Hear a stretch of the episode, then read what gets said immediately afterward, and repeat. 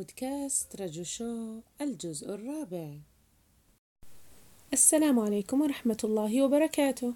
قناة رجو شو تحييكم وتتمنى لكم أوقاتا ممتعة وأنتم تستمعون لنا.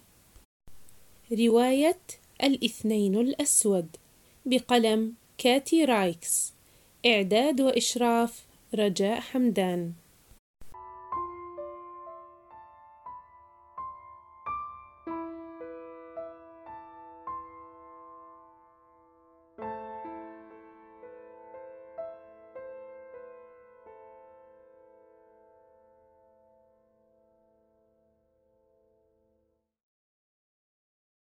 فكسر ريان وكلودي الباب ولما دخلنا وجدنا مينارد مستلق على الأريكة ومال جسده إلى الجهة اليسرى بينما استند رأسه بطريقة غريبة على خلفية الأريكة.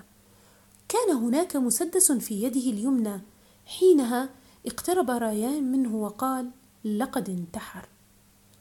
لم أعد قادرة على التفكير ارتحت إلى واقع أن مينارد لن يكون قادرا بعد اليوم على إيذاء شخص آخر. ولكني شعرت بالقلق على أنيك بورمارليو. قلقت كثيرا لأننا لم نمتلك الأجوبة على الألغاز التي بين أيدينا. لم يكن هذا الرجل مينارد. من هو إذن؟ وأين هو مينارد؟ فتش الرجال البيت.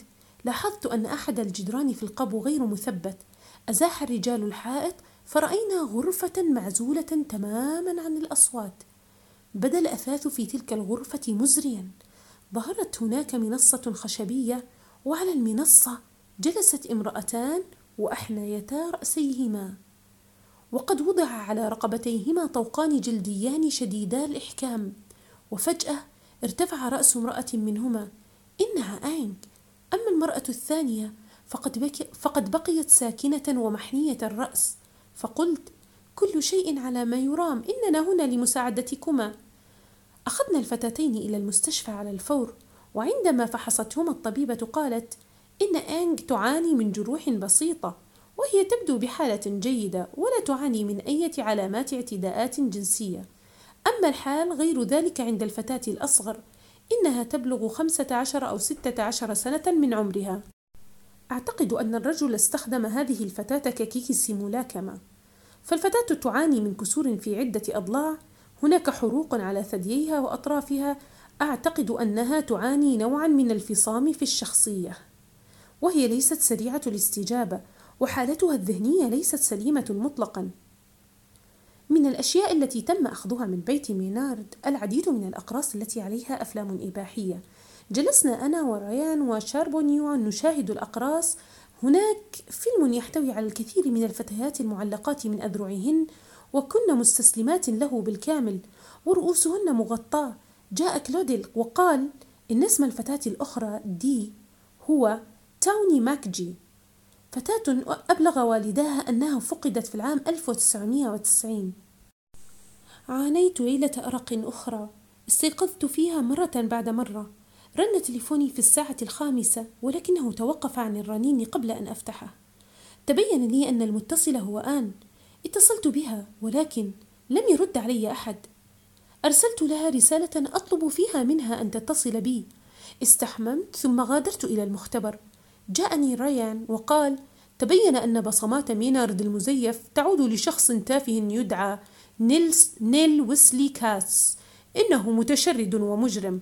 وفجأة رن تليفون ريان نظر إلى الشاشة وقال آسف وأسرع بالخروج.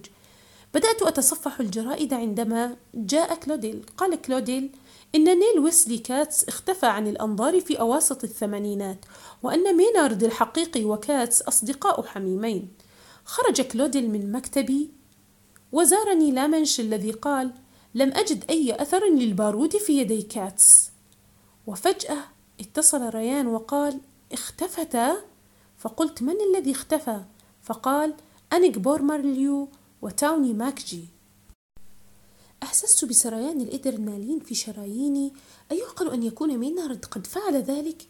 تذكرت شرائط الفيديو. ذهبت إلى قاعدة إلى قاعة الاجتماعات لمشاهدتها مرة أخرى. شعرت بالاشمئزاز والمرض. يفترض أن تنشغل هذه الفتيات بالدراسة وبالوقوع في الحب وبانتقاء الأواني المنزلية. بدل أن يعلقن بمعاصمهن في قبو يفوح برائحة نتنة أدركت فجأة شيئا إذا كان كاتس يظهر في أفلام الفيديو يعذب الفتيات فمن هو الشخص الذي يقوم بالتصوير إذن؟ هل هو مينارد؟ قمت بإعادة مشاهدة أفلام الفيديو وفجأة في إحدى اللقطات ظهر المصور أمام مرآة, مرآة في اللقطة إنها أنيك بورمارليو يا له من مهووس هل يجبر إحدى الضحايا على التصوير بينما يعذب الأخرى؟ رن هاتفي عند الساعة السادسة والنصف وتسبب الصوت الذي سمعته بهبوط في قلبي. سمعت صوت أنيك تقول تريد دي أن تراك إنها بحاجة للمساعدة.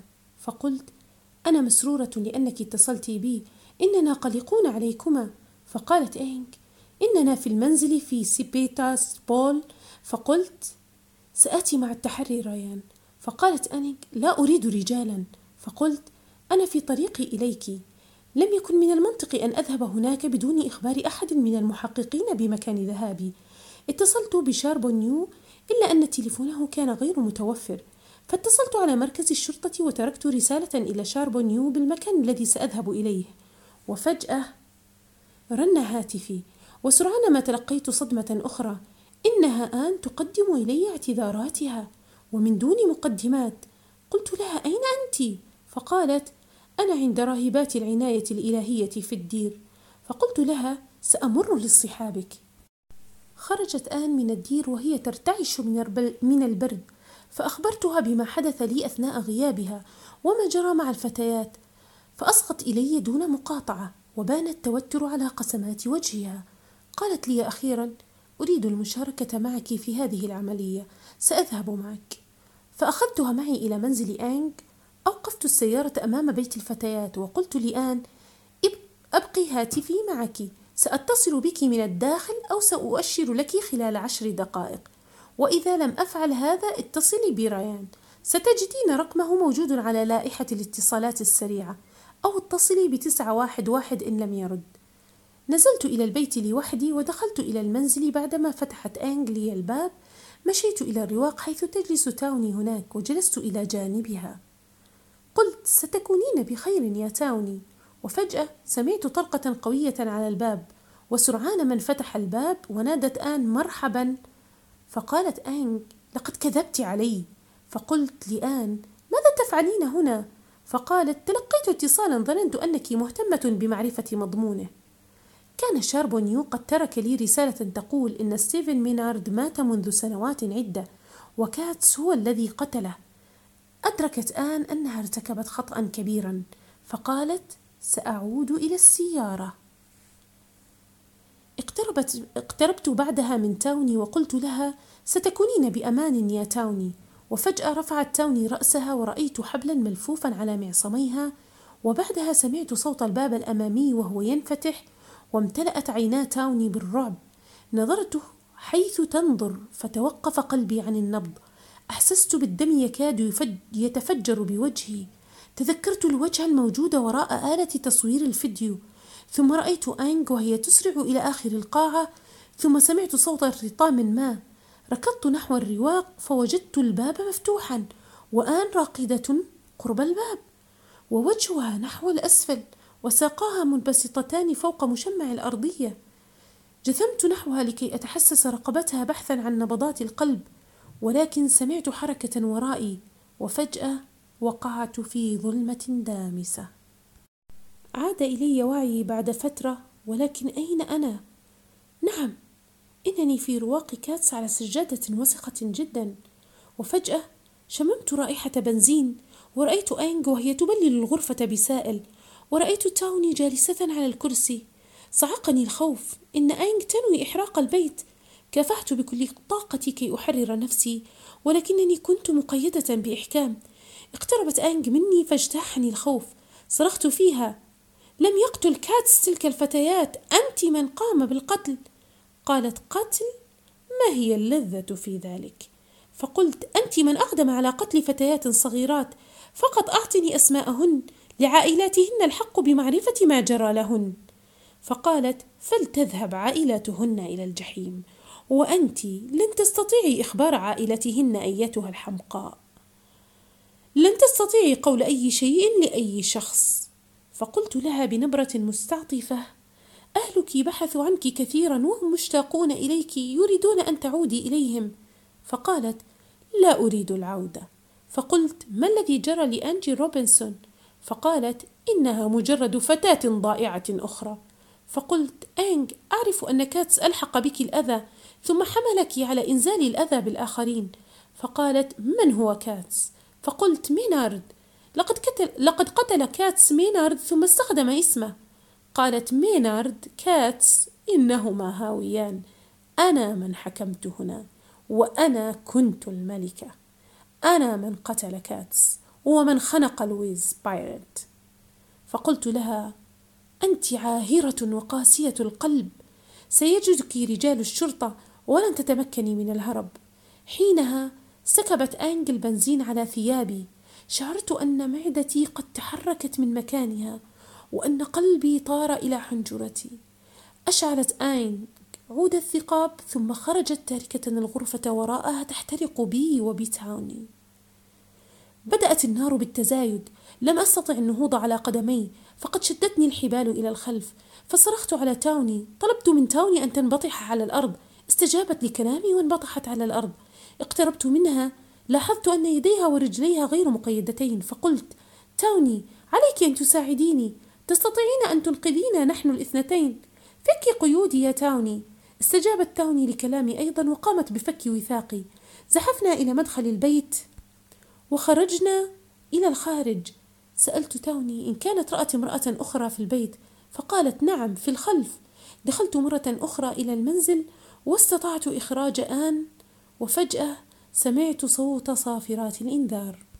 نهضت من سريري بعد مضي عشر ساعات على وصولي إلى المشفى بسيارة الإسعاف.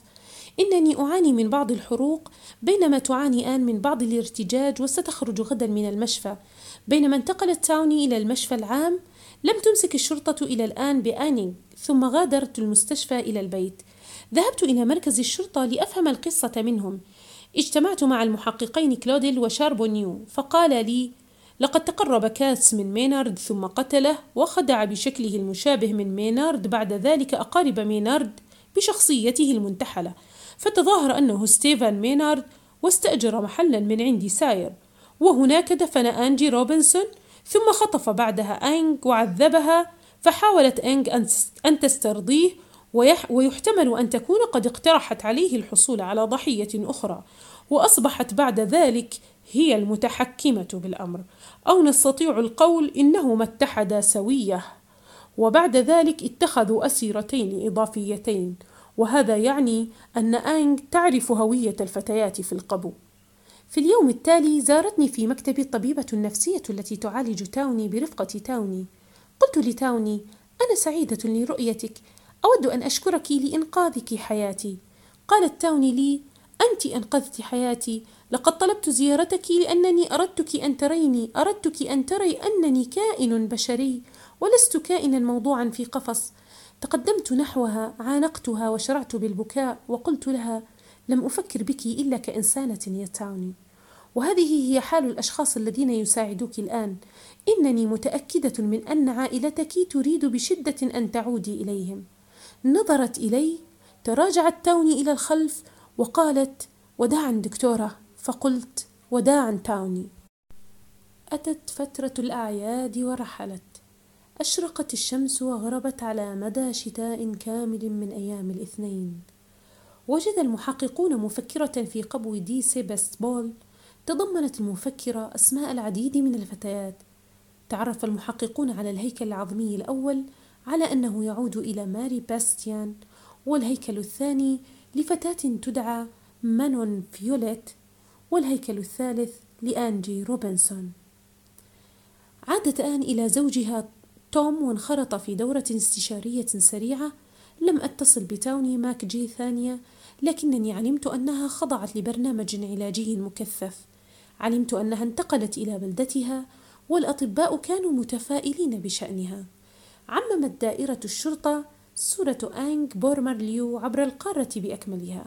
وعرفت أن دائرة شرطة مونتريال تلقت عشرات الإخباريات عن مشاهدات لأنج في أماكن عديدة.